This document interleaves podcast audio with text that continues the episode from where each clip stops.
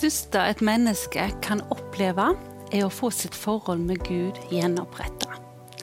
Gud skapte mennesket først og fremst for å ha en relasjon til oss. Og når Adam og Eva falt i synd i Edens hage, ble denne relasjonen brutt. Pga. sin enorme kjærlighet til menneskene sendte Gud sin enbårne sønn Jesus til oss. Han døde i vårt sted, sånn at hver den som tror på han og tar imot frelsens gave, kan få gjenoppretta sin relasjon med Gud, vår himmelske Far.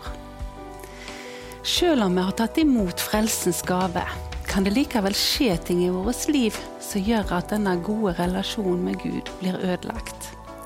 Vi kan ha sesonger i livet hvor Gud føles fjern, vi kan ha tvilstanker, vi kan ha bevisst synd i livet vårt som gjør det vanskelig å leve nær til Gud. Eller vi kan ha et feilaktig gudsbilde som gjør at vi kanskje ikke helt våger å slippe Gud til i alle deler av vårt hjerte. Heldigvis er Gud nådig og barmhjertig. Han gir oss ikke opp selv om vi velger å gå noen omveier innimellom. Gud er en mester på nye begynnelser. Bli med oss i dag når vi tar samtalen om gjenopprettelse.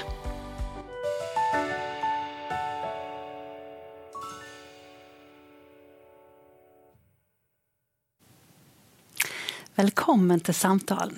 I dag så har jeg flotte gjester med meg i studio, og den første av dem, det er deg, Geir Standal.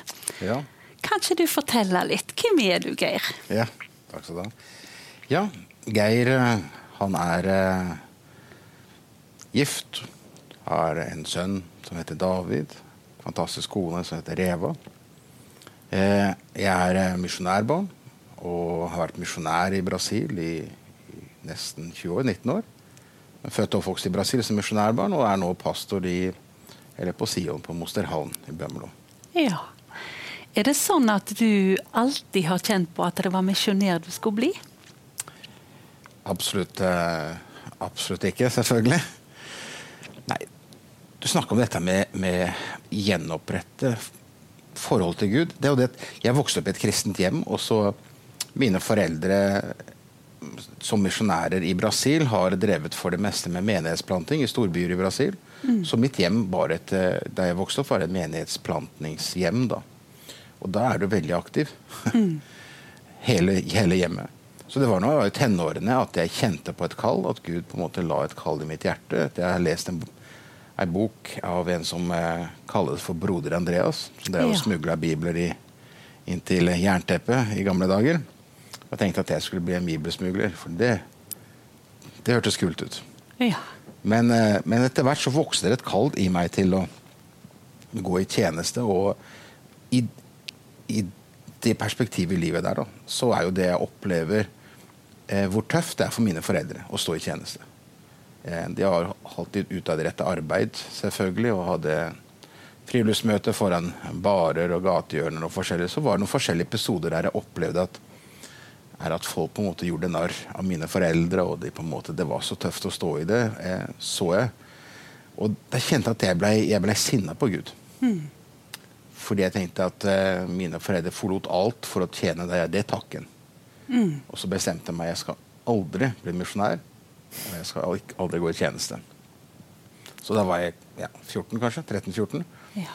Og, og, det på en måte satt i mitt liv. Så, men jeg hadde aldri tatt en avgjørelse at jeg ønsker å følge Jesus og hadde mine opplevelser og vandre med Gud. Men, men, jeg hadde et problem Jeg hadde et problem med Gud mm. hele tida. Fordi jeg ville ikke gå den veien som Gud på en måte hadde eh, lagt på mitt hjerte. Og det var å gå i en tjeneste for han eh, og da i Brasil. Mm. Så jeg brukte mye av min ungdomstid for å arbeide mot kallet. Og uh, begynte å studere i, i økonomi og administrasjon i, på Bakken Teigen, ikke, i Vestfold. Og jeg tenkte at jeg da skulle utdanne meg til et eller annet uh, innenfor administrasjon. og Portugisisk kunne jeg, engelsk kunne jeg, og norsk regner jeg ikke kan. Liksom. Så tenkte jeg at jeg da skulle jobbe for et stort norsk konsern og så tjene masse penger, og så gir det til misjon. Ja. Men Gud var ikke interessert i, i, mine penger. Gud var interessert i mitt liv. Ja. Så i den perioden så var det tøffest for meg. For da opplevde jeg at jeg klarte ikke å å be. Jeg klarte ikke å gå på møter i hvert fall et halvt år.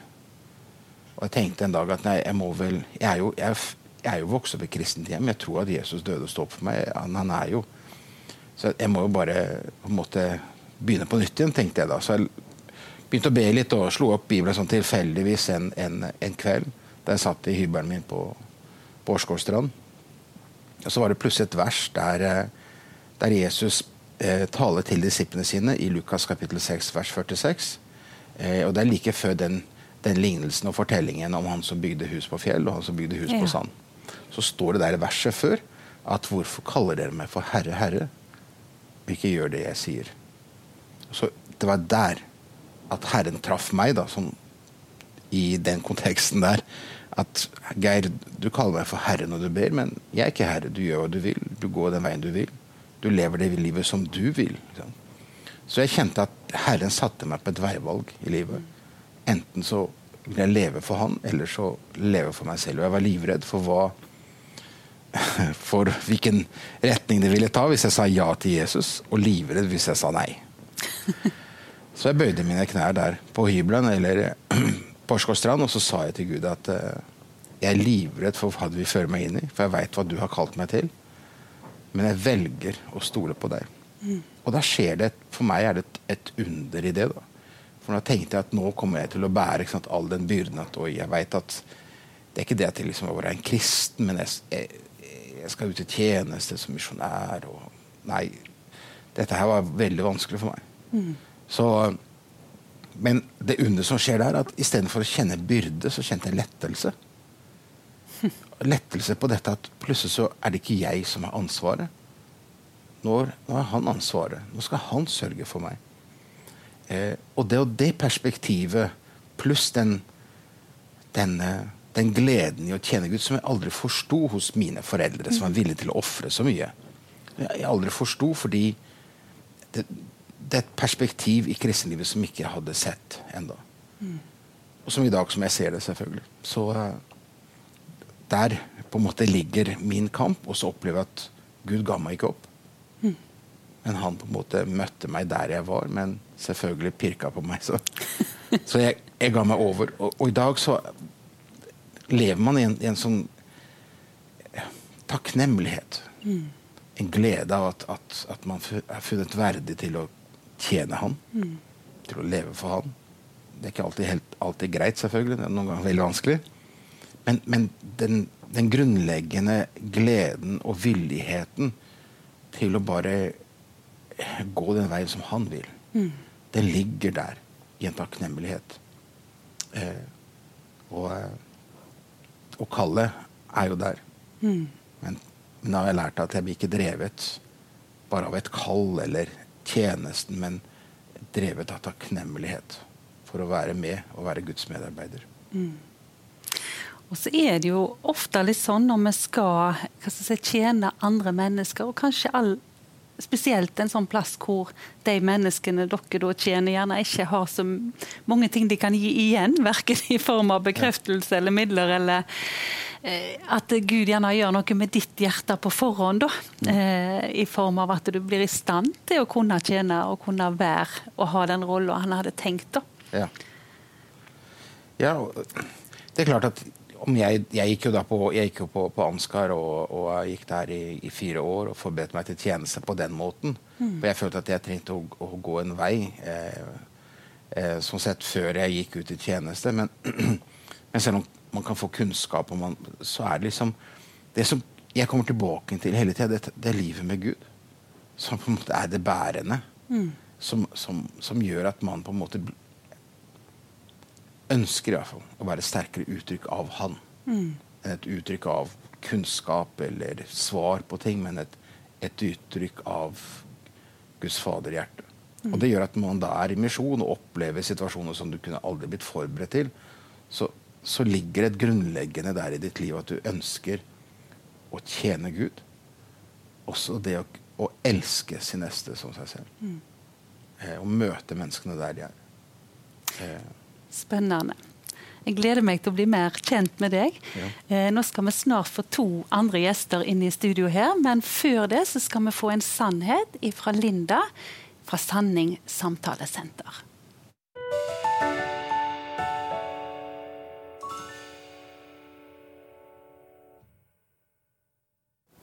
Vi kan alltid starte på nytt.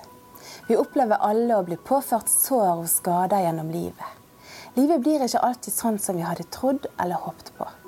Vi kan bli skuffa, og vi kan føle at vi har skuffa Gud. Jeg har lenge vært fascinert og oppmuntra av historien om pottemakeren som vi kan lese om i Jeremia. Og det karet som han gjorde av leire, ble mislykket i pottemakerens hånd. Da gjorde han det om igjen til et annet kar, slik han ville ha det. På samme måte som Jeremia fikk beskjed av Gud til å gå ned til pottemakerens hus for å vise ham at pottemakeren kunne gjennomrette kar som hadde gått i stykker. Sånn kan Gud i dag gjennomrette det som har gått i stykker i oss. Ingenting er for vanskelig for Gud. Se, jeg gjør alle ting nye.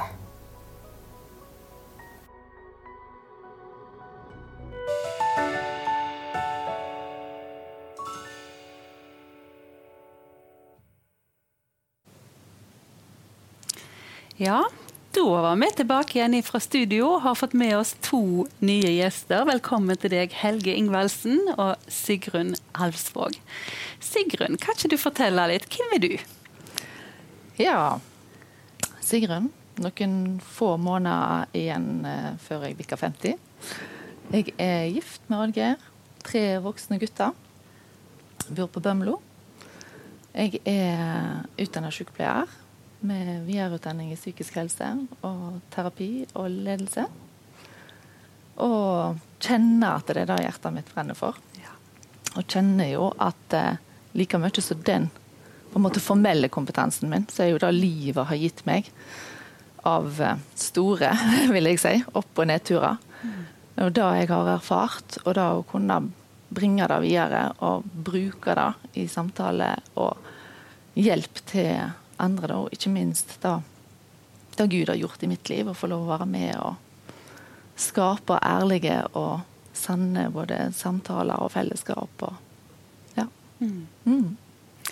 Og Helge, si litt om deg. Hvem ja. er du? Ja, jeg er, jeg er en 70 år den, og jeg er gift med Magnhild. Og vi har eh, tre unger, tre svigerbarn og ni barnebarn. Som, du er rike, med andre ord. Ja, er det. Så eh, hobby har jeg eh, eh Jeg er ute og tar bilder av ørene og setter bibeltekster på. Ja. Så, så er det da ut og fisker litt. og går hverdagen i, og så, og så brenner jeg eh, for å fortelle andre om Jesus. Mm. Det var vel en av grunnene til at jeg inviterte deg. Du vet Helge han er en av de som fascinerer meg når jeg treffer ham, for du bare merker Jesus-entusiasmen lenge før han kommer. Så det, du er et flott vitne for Jesus, Helge.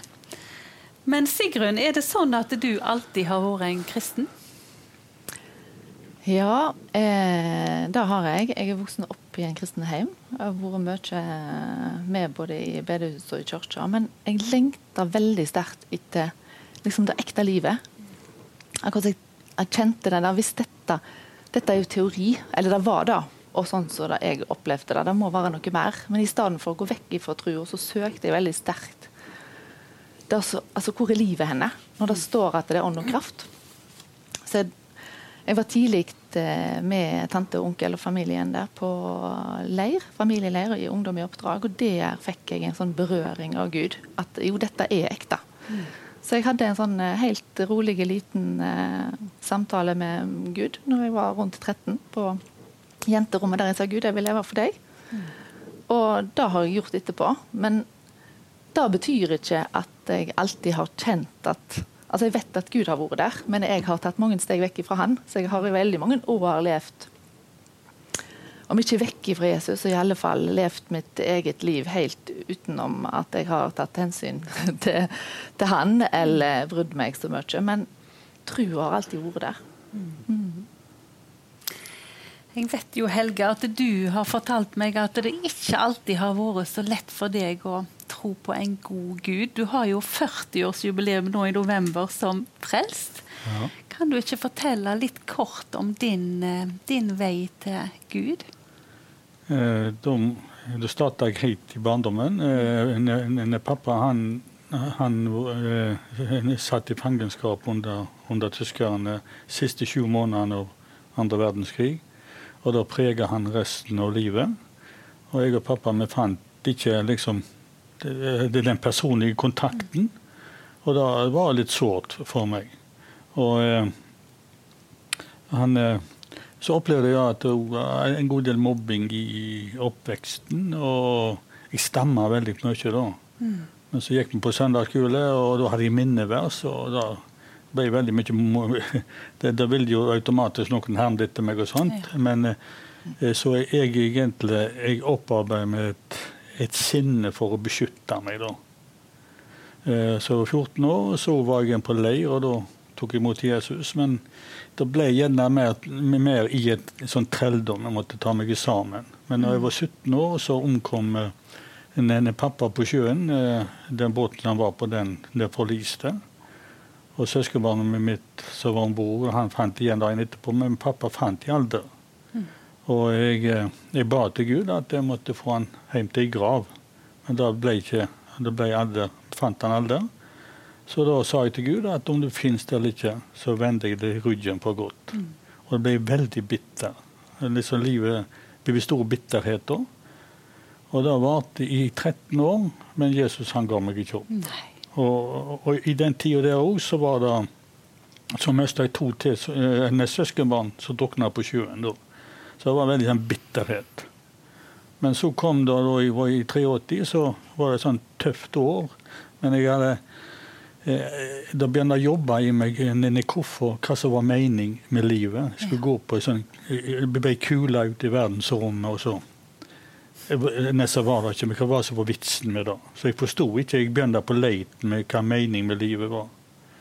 Og da, i, da i 83 så eh, denne firmaet som jobba i konkurs. Eh, han ene broren min som sto meg veldig tett der, han fikk blodkreft. Og så skulle jeg på et arbeidsoppdrag eh, på en plattform eh, ute i Børefjorden. altså Det kom inn en rigg som var skada, som jeg skulle gå ned og reparere. Og eh, og vi fikk beskjed at uh, vi visste det skjedde noe der. Jeg trenger ikke gå inn i detalj på det. Men så uh, hadde vi ikke så veldig stor muligheten der nede i denne Protonien Da. Så, så da, da, ba jeg til Gud, så, eller så sa jeg til Gud at om jeg overlever denne jobben her, så skal jeg ta imot deg. Mm. Og da, da, gjorde jeg, som du ser. Og da holdt jeg det som jeg hadde lovt Gud. Og da så jeg at han, han, han, var der, han var med meg. Så da tok han all min bitterhet vekk. Og så erstatta det med Guds fred, så overgår all forstand. Eh, og jeg hadde lagd meg i usynlige lister hva jeg måtte slutte med og begynne med, men da fikk jeg aldri bruk for. For Den hellige ånd tok seg over da. Ja. Så da Kjente du at Gud løfte av deg bitterheten sånn med en gang du tok imot, eller var det en prosess? Det var nok en prosess, men eh, eh sant, det var òg veldig sånn sterkt når jeg gjorde det. Men det var en veldig kamp når jeg hadde bøtt meg ja. og måtte fortelle det andre at eh, jeg var blitt frelst. Så, eh, men det var men den bitterheten der var utrolig godt å få han vekk. Han ville tere meg totalt opp. Ja. Så fikk jeg se Guds kjærlighet. Og så det var, det var en utrolig sterk opplevelse. Ja. Så jeg har ikke angret ett sekund Nei. på den avgjørelsen der. Det merkes på deg, Helge. Ja. Det er jo ofte sånn at de tingene vi har streva med sjøl, forunderlig nok så er det de tingene Gud velger å kanskje bruke vitnesbyrdet vårt til å betjene andre mennesker. Mm. Eh, Sigrun, Mm. Har du noen eksempel på hvordan Gud har fått brukt ditt vitnesbyrd, og kanskje det mest smertefulle i ditt liv, til å hjelpe andre? Det har jeg. Og um, kanskje noe av det tøffeste eh, er jo å oppleve å ikke finne tilhørighet. Eh, kjent veldig på det der strevet i livet for min del, da. Veldig Ja, det førte med seg både depresjon og angst og veldig det strevet etter å sett, hørt, anerkjent. Og ikke forstå helt eh, hva hva handler det om. Så var jeg heldig og fikk reist på Hjertefokus i 2018 og har jobba mye med meg sjøl, både sammen med Gud og søkt andre plasser. Eh, men for hva er dette for noe? Eh, da jeg så da vi fikk beskjed om at vi skulle skrive et brev til Gud eller til jordiske far, enten det var et takkebrev eller det var brev om hvordan hva vi følte foran. Og det var akkurat som pennen bare gikk. Jeg, jeg, tenkte ikke engang, jeg bare skrev. Skrev til Gud. Og da jeg opplevde da, ble så sterkt. For jeg skrev altså, Gud, jeg opplever at du forakter meg. Du er sint på meg. Du liker meg ikke. Du eh, Ja, det er helt full av fire sider over alt på en måte hvor streng Gud var, og hvor, hvordan han rista på hodet over meg. Og når jeg fikk se Oi, der, der er mitt gudsbilde. Så skjønte jeg òg det strevet. Mm. Jeg skjønte òg på en måte litt sånn brikkene datt på plass i forhold til eh, hva jeg hadde gått med, og, og, litt sånn årsaken til en del av det strevet. Og fikk hjelp, fikk lagt det vekk. Fikk sett at jeg har trodd på ei løgn. Eh, Gud er ikke sånn. Men jeg hadde tatt det inn og integrert det som en sannhet. Og ut ifra det så ble det perfeksjonisme og strev. Eh, og det har jo vært en prosess. Det var ikke quick fix, men jeg fikk god hjelp. Og, det, og jeg kjenner jeg brenner så sterkt for, for, å få hjelpe andre. Mm. For å kunne si noe om hvem Gud er. Gud, Gud elsker oss. Gud har ønska oss og vil, eh, vil oss vel. Og eh, da å få formidle den kjærligheten, eh, formidle at vi har en verdi, mm. Eh, og på en måte den, det Guds hjerte for oss, det er noe av det jeg på en måte åh, liksom kunne ønske og får lov, og ønsker enda mer å få lov å bringe videre. Mm. Geir, du har jo vært en del år ute i misjonen og opplevd mennesker som har vært i sin største nød. Opplevd at Gud har gjort ting som egentlig ikke skulle vært mulig. Ja. Eh, har du lyst til å dele en historie og to fra misjonsmerken i forhold til gjenopprettelse? da? Ja, altså Det er Det er, det er, så, det er så, fantastisk når man ser når Gud handler, fordi alt det som vi mennesker kunne på en måte brukt på andre ting eh, for å på en måte fikse livet, det, det gjør Gud plutselig. Eh, I en prosess. da. Så vi, dette her er noen år siden nå, men eh, i et møte som, eh, som, eh, jeg var satt til å preke i hovedmenigheten i Resif, der vi, der vi har, hadde arbeidet, eller har arbeid, så, så var det satt en, en ung gutt på møtet der. og Han satt bakerst eh, i lokalet. og han, han hadde kommet på møte fordi han skulle drepe lovsangslederen etter, etter møtet. Han hadde avtalt med fire andre at de skulle stå i en bakgate og ta lovsangslederen.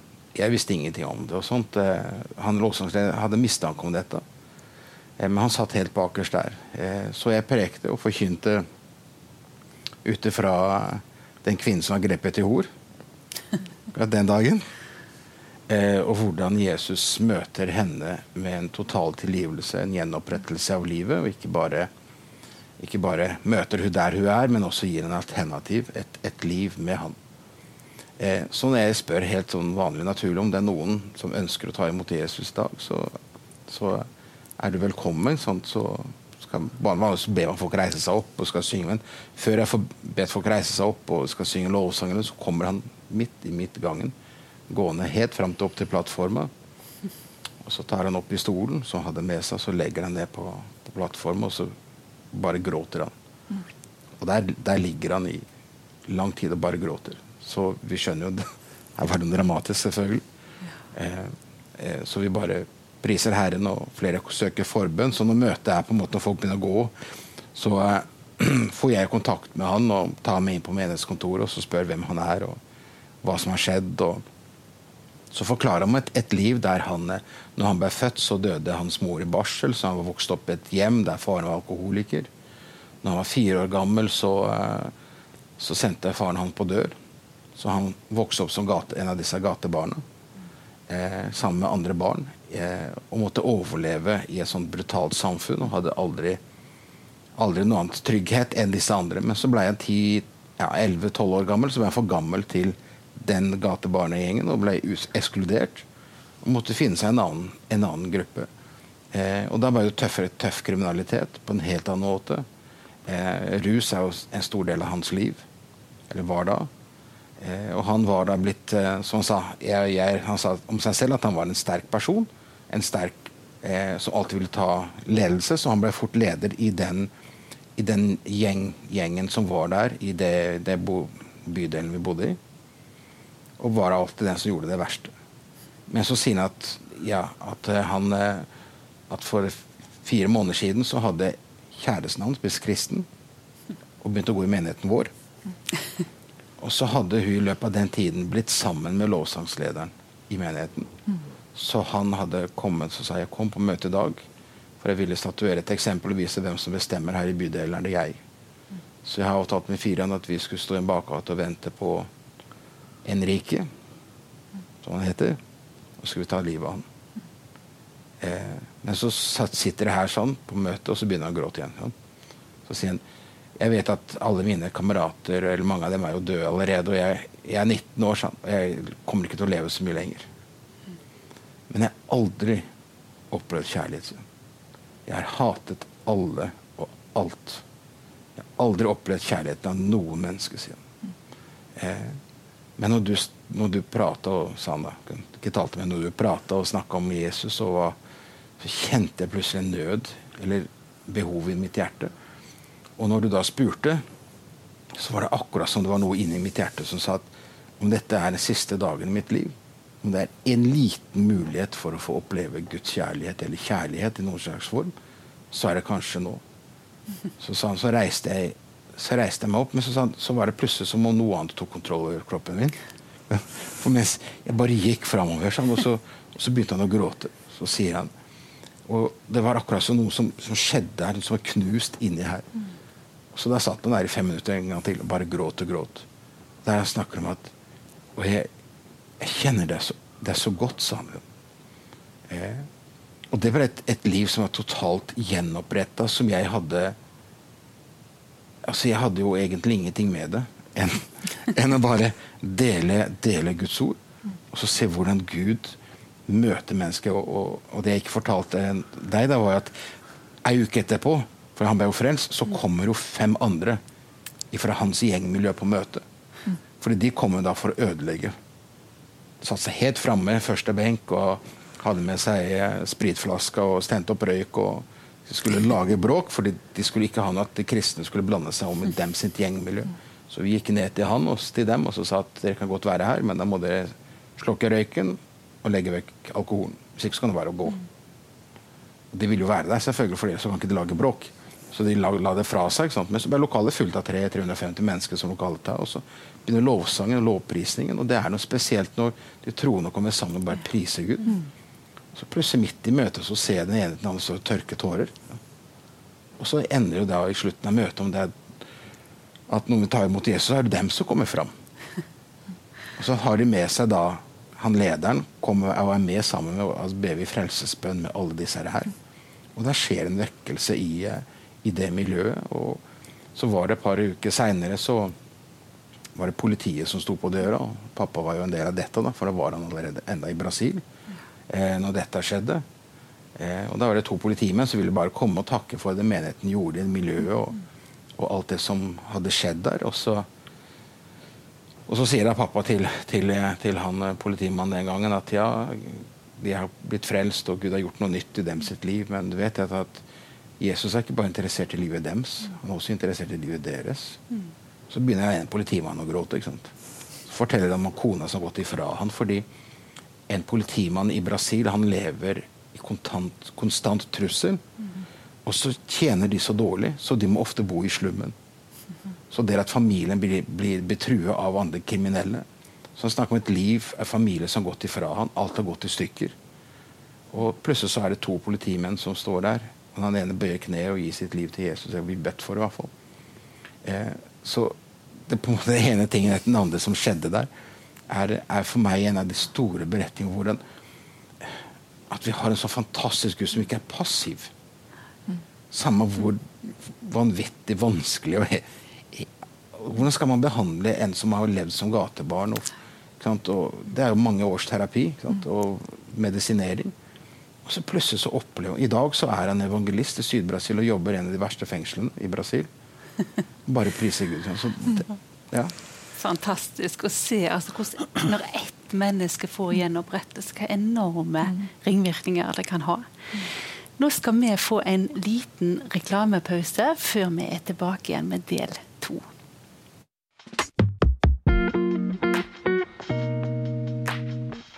Takk for at du ser på programmet vårt. Hvis du setter pris på det vi gjør, vil vi invitere deg til å støtte oss. For vi kan bare gjøre dette så lenge seerne holder oss på luften. Send din gave på VIPS til 76 38 05, så hjelper du oss med å lage disse programmene og å skape nye. Takk for din støtte på VIPS 76 38 05. Gud velsigne deg.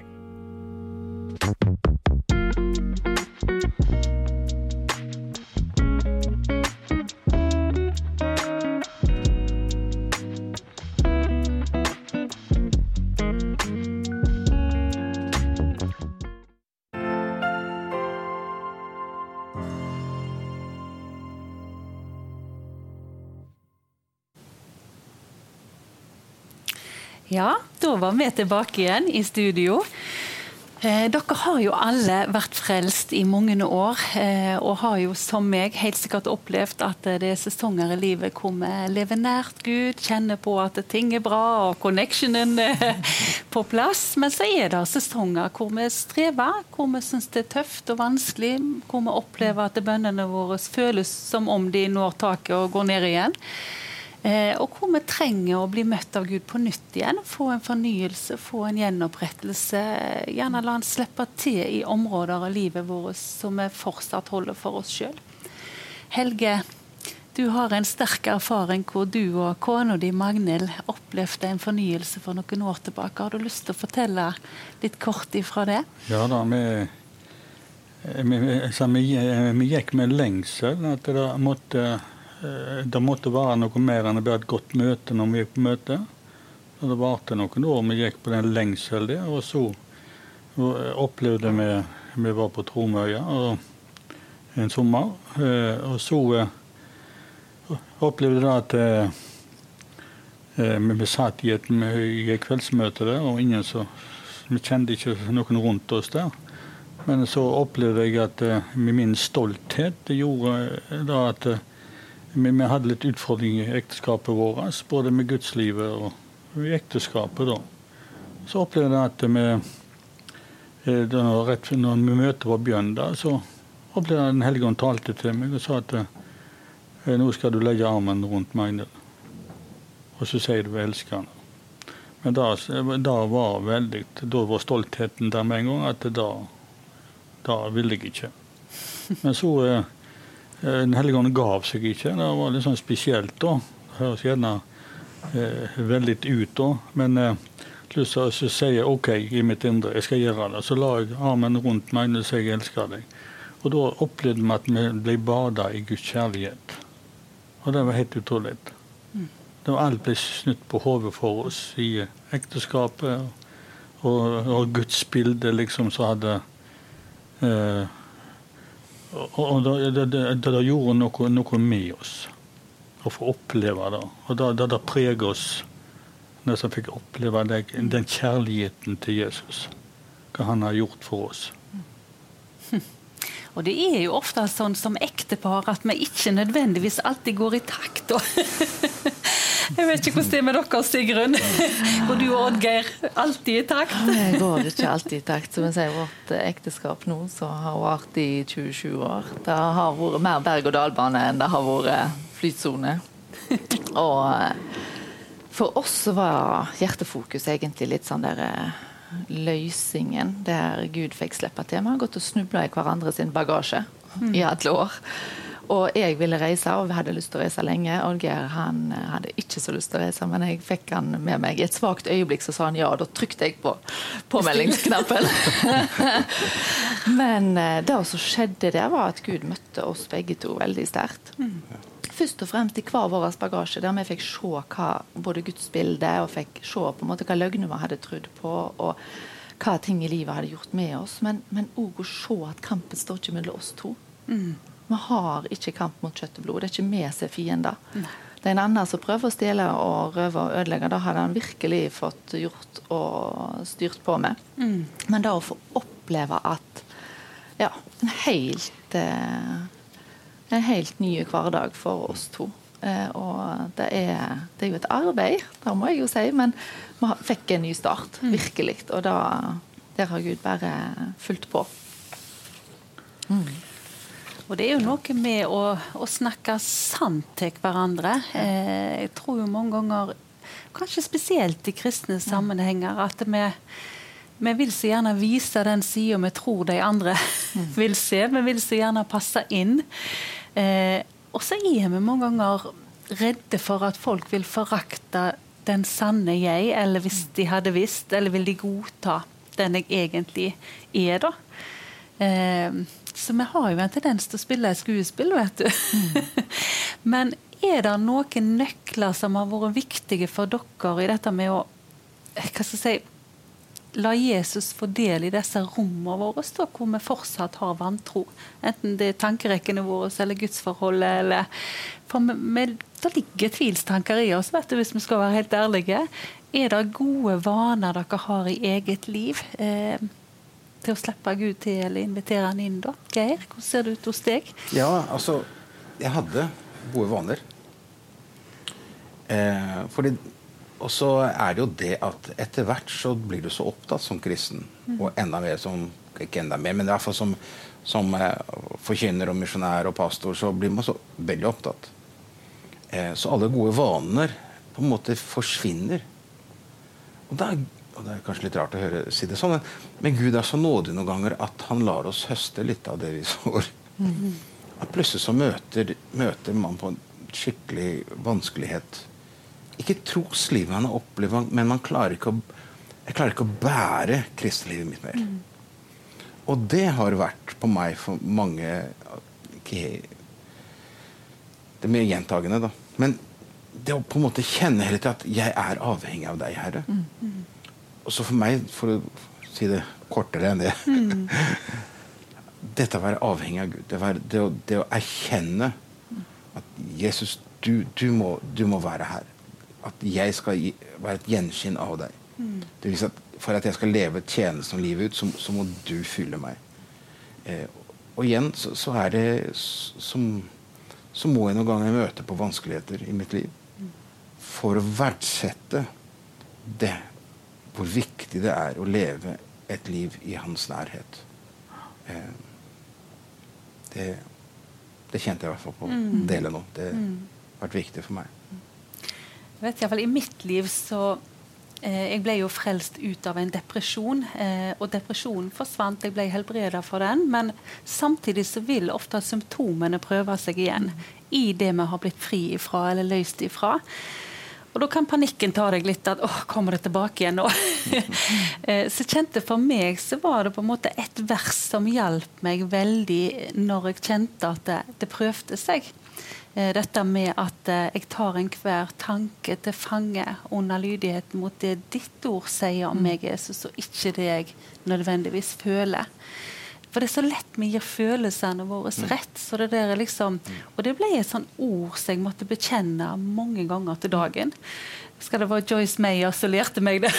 en av de første andagsbøkene jeg fikk. Men, men det ble en sånn viktig ting for meg i mange år. altså At nei, nå, denne tanken vil jeg ikke ta imot. Og, og fienden vet jo hvor vi har våre svakheter. Sant? Han vet akkurat hva knapp han skal trykke på, eller få andre til å trykke på. Så Sigrun, hvordan ser det ut i ditt liv? Har du noen gode vaner som på en måte hjelper deg litt i disse? For meg handler det veldig mye om å, å våge det ærlige livet i lag med andre.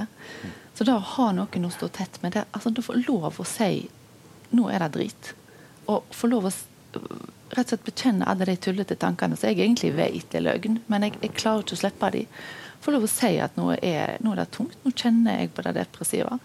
Nå er det bare motløshet. Altså, ha noen å stå tett i sammen med. og jeg ønsker meg òg at fellesskapet vårt har mer rom for at vi kan få lov å, å snakke mer om det ærlige livet. Jeg tror på det, både synsbekjennelse og snakke ærlig i lag med noen andre, og ause ut hjertet sitt for Gud. Jeg tror han har hørt mer sinne og frustrasjon og irritasjon fra meg enn han har hørt på en måte takk og lovsang. Det er ærlige hjertet. så får han begge deler. Men da for meg å la han slippe til mm. i alt det sårbare. Han vet det jo likevel. Han mm. venter på og lengter etter at jeg skal dele det.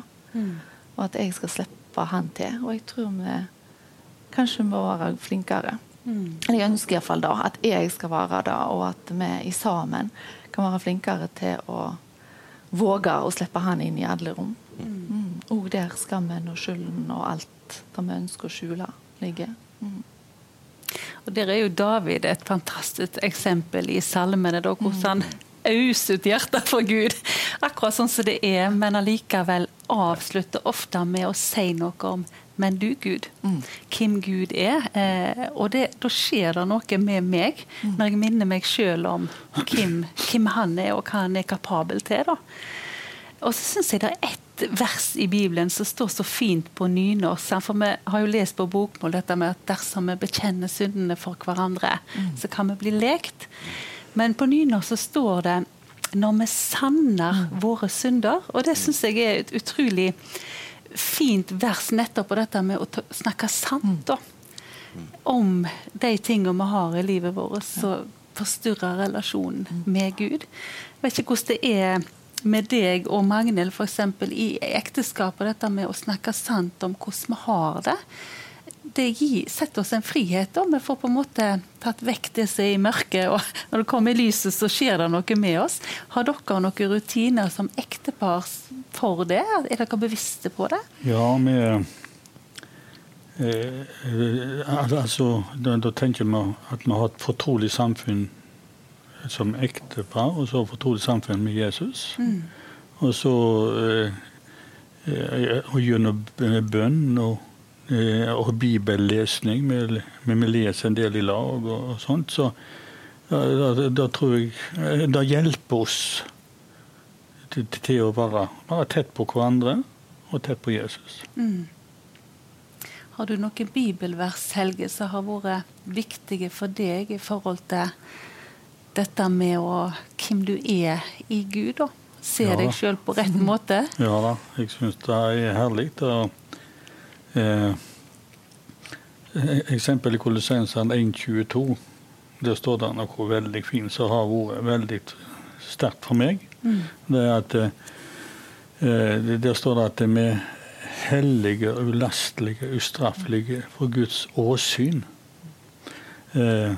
Og da, da, Jeg husker når jeg fikk oppleve å se meg, se meg gjennom korset, se meg gjennom Jesus, og se meg gjennom blodet. Mm. Da ser, så fikk jeg oppleve hvordan Gud ser meg. Så er jo vi satt i, med Han i himmelen òg, så jeg ser jo det begge veier. da. Mm. Men jeg kan få lov å løfte blikket opp når det angrepet kommer. Jeg kan få se meg gjennom Jesus, kors og blodet. da. Og jeg er hellig, lastelig og straffelig for hans åsyn. Han ser ikke alle mine feil og mine mangler. Men han ser meg som er Guds barn. Mm. Og så står det òg eh, det, det, det, det er Kolossenserne 3 eh, vers 3, at det, jeg, er skjult med Kristus mm. i Gud. Tenk noe så stort. Få oppleve frelsen.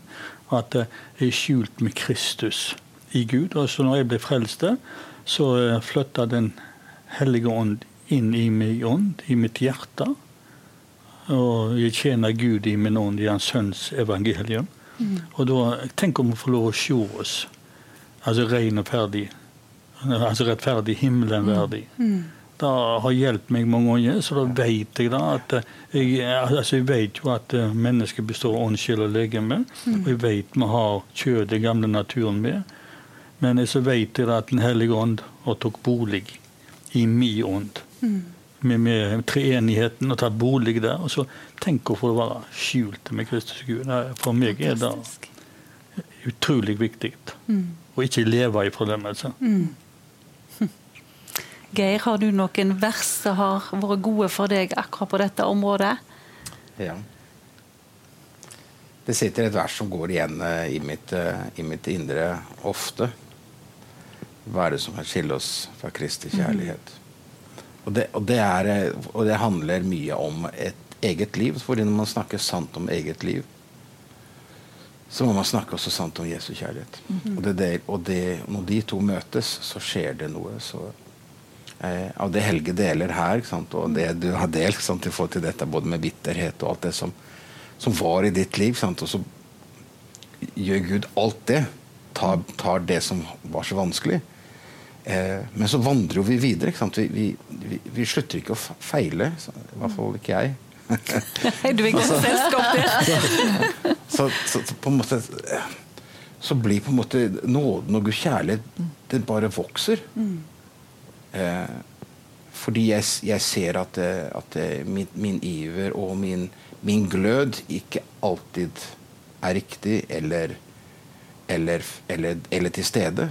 Men jeg blir møtt av en, en kjærlighet. Så, og da er det dette verset. Altså, hva er det som kan skille oss fra Kristi kjærlighet?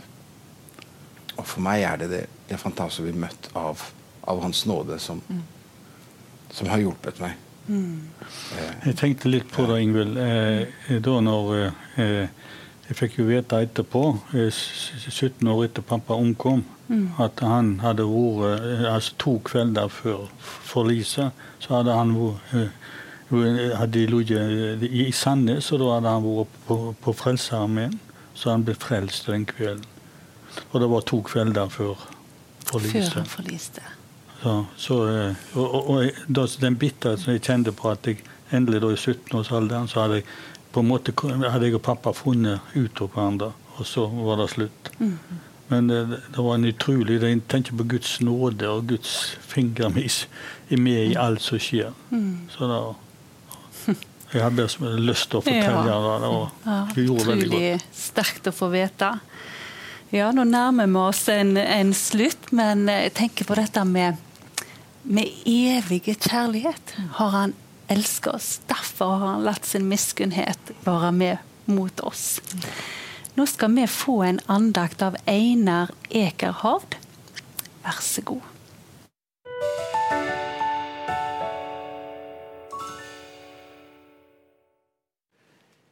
I min studietid på 70-tallet så hadde vi pensum i dogmatikk. Det var en murstein av en bok av den danske teologen og forfatteren Regin Prenter, 'Skapelse og gjenløsning'. Her fikk vi en grundig og djup eh, innføring og framstilling av det grunnleggende problemet med det å være menneske. Skapelsen den var jo så grei. altså Gud så at alt var godt, men syndefallet kom og forvakla alle ting som eh, Gud hadde forsøkt å gjøre så bra som mulig. Og Helt fra den tiden av så har det vært en sånn sak mellom Gud og det skapte om å få en gjenopprettelse av det som er ødelagt. Og Det ligger på Guds hjerte gjennom alle tider å gjenopprette alle ting som er gått i stykker. Så vel skaperverket som relasjoner. I min tid som press så hendte det iallfall tidligere at vi fikk eh, samtale med eh, ektepar som opplevde krise og var i ferd med å gå ifra hverandre.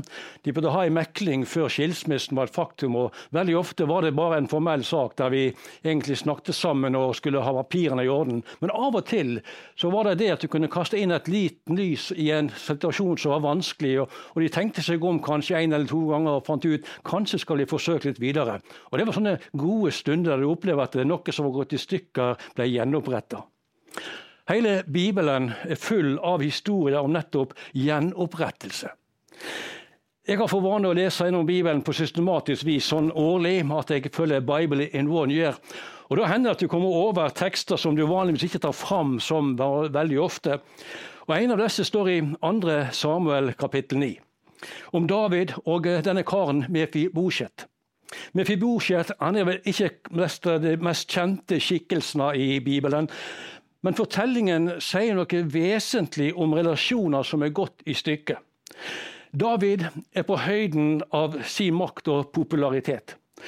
Han har vunnet utallige sigre i krigen mot sine fiender. Saul er død, og sønnen Jonathan, Davids beste venn, også. Hele sitt, Saul sitt hus er utrydda nesten. Og David spør i 2. Samuels bok, kapittel 9, fins det ennå noen att av Sauls hus? Da vil jeg gjøre godt mot han for Jonathans skyld. Det var en tjener fra Sauls hus som heter Siba. Han var kalt fram for David, og kongen spurte han, er du Siba? Til tjeneste, svarer han. Da spurte kongen, er det ikke en eneste att av Sauls hus som jeg kan gjøre godt mot i Guds navn? Siva svarte kongen, en av sønnene til Jonathan lever ennå. Han er lam i føttene. Hvor er han? spurte kongen.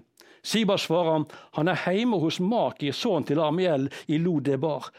Da sendte kong David båd og hentet han hjemme hos Makir, sønnen til Amiel i Lodebar. Da Mefibosjet, sønnen til Jonathan, sønnen til Saul, kom inn til David, kastet han seg ned med ansiktet mot jorda. David sa, Mefibosjet. Han svarer, Her er tjeneren din. David sa til han, Vær ikke redd, for jeg vil gjøre godt mot deg for far din Jonathans skyld. Du skal få att all jord som Saul, far din, eide, og du skal alltid ete ved mitt bord. Siden åt Mefibosjet ved Davids bord, så må han være en av sønnene til kongen er det ikke en eneste att i Sauls hus som jeg kan gjøre godt mot i Herrens navn. Slik tenker også Gud i forhold til menneskeheten. Finnes det noen mennesker som jeg kan gjøre godt mot? Det ligger så sterkt på Gud å gjenopprette det som er gått i stykker. Hele Jesu liv og tjeneste hadde dette som siktemål.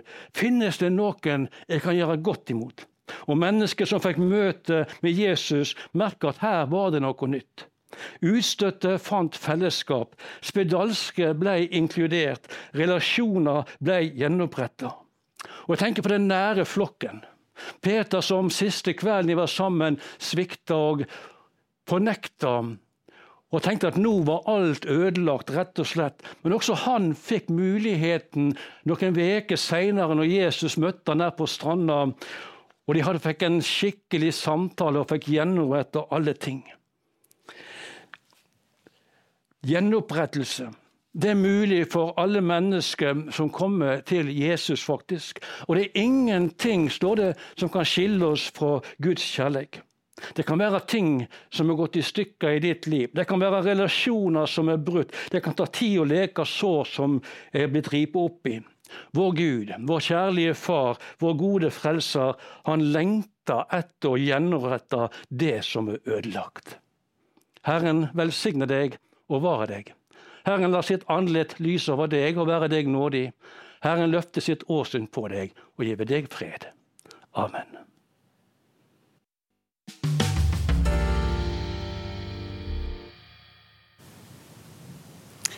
Ja, da gjenstår det bare for meg å takke for at dere hadde lyst til å være med som gjester i samtalen i dag. Takk til Einar for god andakt. Og tusen takk til deg som fulgte sendingen. Jeg håper at du gjennom eh, både vitnesbyrdene som ble gitt her, og ordene fra Bibelen har fått mot. Eh, og at du kjenner på at uh, gjerne du skal invitere Jesus inn i et av de rommene i ditt liv som gjerne ikke han har sluppet inn i. Så tusen takk for at du var med. Eh, og så er det nydelig å få hvile i det verset at ingenting kan skille oss ifra Jesu kjærlighet, uansett hvor mørkt eller hvor kort du opplever din bønn når. Det å henvende seg til Gud Han vil aldri vende deg ryggen når du søker han av et helt hjerte. Og han står ut forbi den døra og banker. Og søker om noen vil lukke opp. Og vil vi lukke opp, så vil han gå inn og holde måltid med oss. Så Gud velsigne deg og uka di, og på gjensyn i samtalen neste torsdag.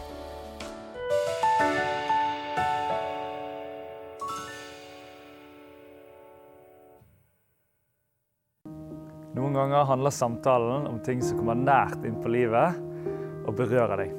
Og Da tenker du kanskje at dette skulle jeg ha snakket med noen om. Heldigvis fins det noen som kan hjelpe deg. Her kommer en liste over trygge kristne samtaletjenester rundt omkring landet, som med glede tar imot deg og ditt behov.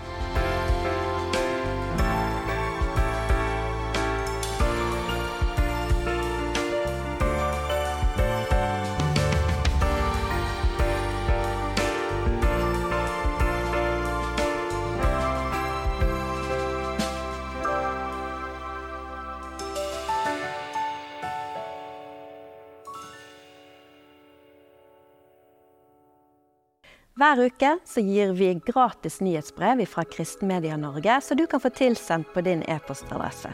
Der kan du få lese ukens kommentar, du kan få se hva som skal være tema i samtalen, og du får vite hvem som er gjest i Live med venner før alle andre. Og har vi noe nytt på gang, så kan du lese det der.